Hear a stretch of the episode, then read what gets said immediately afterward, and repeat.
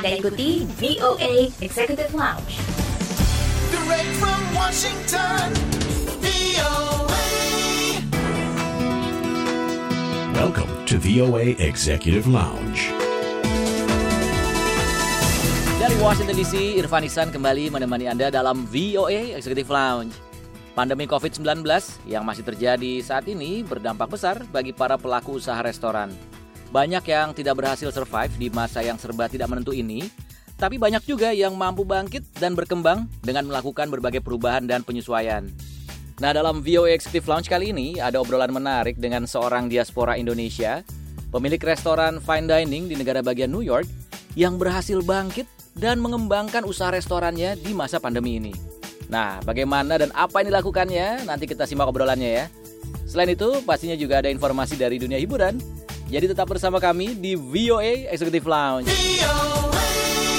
VOA. Executive Lounge. Sekarang langsung saja kita temui reporter VOA Aryono Arifin yang berhasil menghubungi diaspora Indonesia, seorang pengusaha restoran yang juga seorang eksekutif chef, Yono Purnomo, pemilik restoran bernama Yonos Restaurant di kota Albany, ibu kota negara bagian New York.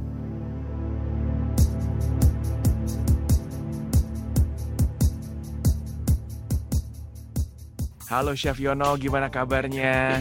Kabar baik Pak Aris, selamat berjumpa lagi Iya senang di sekali. VOA.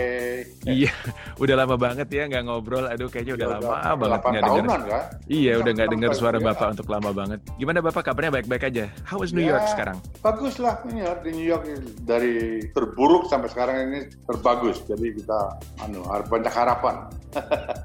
Chef Yono, kalau nggak salah restorannya Yonos ini ada di Albany ya, ibu kota betul, New York ya. betul, betul, betul. Sedikit informasi aja, Albany itu letaknya tuh jauh dari Manhattan atau New York City, jadi agak sedikit ke utara. Iya. Dan restorannya Chef Yono ini sangat terkenal di kota Albany ini, bahkan pada pejabat-pejabat setempat suka makan di restorannya Chef Yono ini. Betul, karena? Karena Auburn itu kan ibu kota New York. Jadi kita deal dengan governor ke capital. Kita banyak uh, itulah. Ya karena kita udah dari 43 tahun, jadi kita selalu you know, uh, interact dengan government official gitu. Sedikit latar belakang seputar Chef Yono dan kiprahnya dalam dunia kuliner. Jadi kalau saya mengingat cerita-cerita lama dulu, Chef Yono ini terkenal untuk steak dengan bumbu rendang ini ya Pak ya? Ya dulu dia benar. Nah sekarang ini kita akan memperkenalkan budaya kita dan masakan kita. Sekarang ini restoran kita tuh boleh dikatakan setengah fusion, kontinental, setengah Indonesia.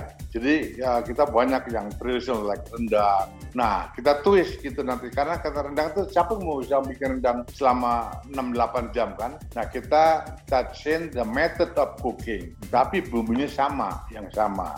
Nah presentasi yang beda gitu.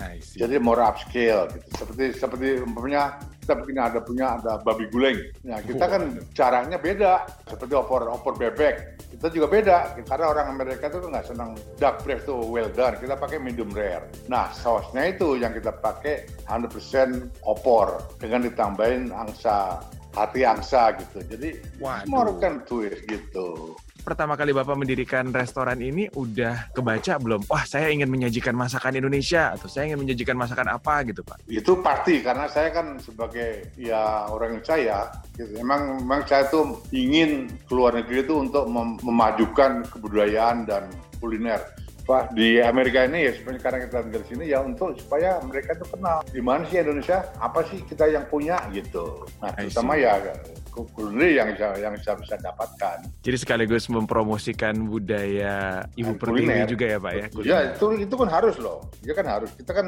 putra putra bangsa yang di, di luar negeri itu kita harusnya semua harus memberikan contribute. Kalau situnya tanya politik ya politik, itu dia dagang, dagang. Contohnya kuliner ya kuliner. Kalau kita semua begitu kan kita lebih lebih ter, apa, ternama Indonesia tuh sekarang sampai sekarang aja di mana sih Indonesia? Banyak kan kepada kita negara yang keempat terbesar di dunia. Masih banyak orang yang nggak tahu di mana Indonesia. See. Oh, Indonesia itu sebesar gitu. Dia taunya Bali. kan gitu.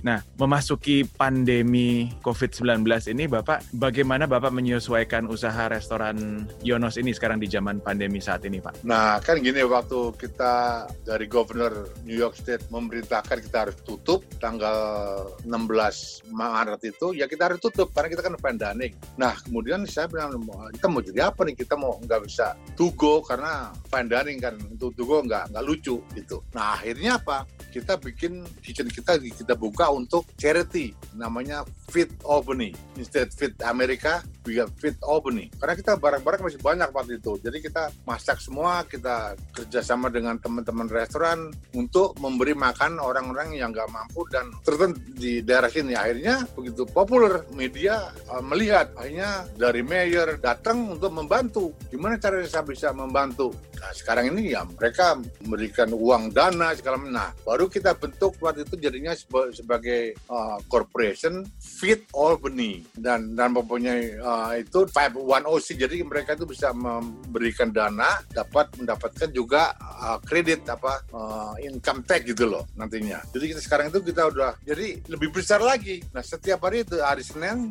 Rabu dan Jumat itu kita bisa sampai 1.500 portion tiap harinya, Pak Wow.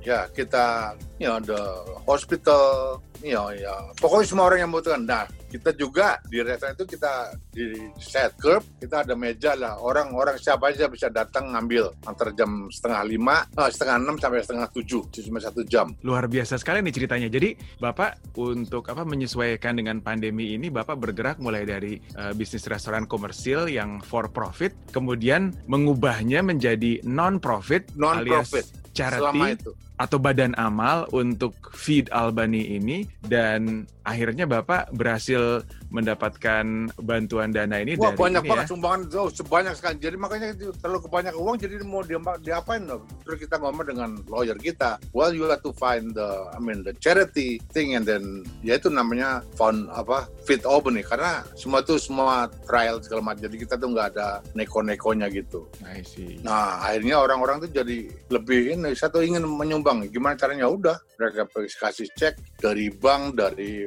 wah pokoknya unbelievable. Itulah orang-orang orang-orang apa nih? When you need something, somebody stood up, stand up. transformasinya luar biasa nih. Saya kagum sekali mendengarnya nih Pak. Nah ngomong-ngomong nih sekarang setelah Bapak mengubah dari profit ke non-profit, kemudian bergerak sebagai badan amal untuk memberi makanan kepada kota Albany ini alias Feed Albany ini, Yonos Restaurant ini selagi dijalani Bapak, apa yang menjadi tantangan terbesar untuk menjalani usaha bisnis fine dining di masa pandemi ini Bapak? Ya karena kan apalagi sekarang ini kan. Nah sekarang kita, kita buka lagi nih, baru Yonor kita buka lagi. Nah kita buka cuma 50%. Untungnya masih 50%. Jadi kita masih ada waktu untuk charity dan untuk profit gitu. Nah tapi kita berbeda. Yang untuk charity itu saya bilang kamu datang pagi sampai jam 2 kamu kerjakan tuh. Nah jam 2 kita baru kru Yono kru untuk memacu bisnis uh, DP dan Yonos gitu. Jadi kita bisa dua-duanya bisa bisa ikut. Sekarang ini ya karena Bener ya kita gimana caranya karena orang semua tuh masih belum convince ya untuk satu bisa keluar aman gitu loh. Gimana caranya? Nah ya kita show them how clean we are, sanitation this, uh, pakai masker, long distance, segala macam lah. Tapi kan juga tergantung tamunya kan. Tapi ya itu itu salah satunya. Keduanya itu kan karena kita tuh ada apa uh, bantuan dari pemerintah yang 600 dolar per minggu itu. Nah itu kadang-kadang kita ada challenge itu untuk employee datang kembali. Karena ngapain gua kerja, gua di rumah aja gua udah dapat 1100 kan gitu.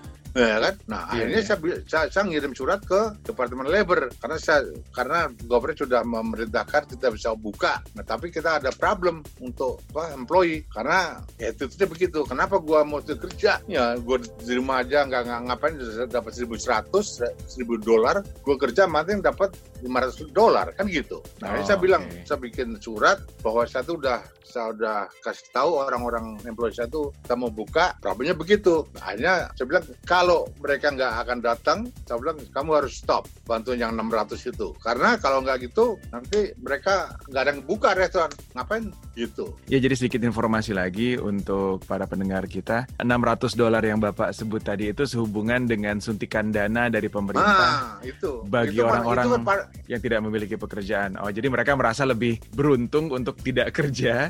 itu kan padahal itu bonus tuh. Iya. Juga kamu harus berter- berterima kasih. VOA Executive Lounge nanti kita lanjutkan lagi obrolan Aryono Arifin bersama Chef Yono tetap di VOA Executive Lounge.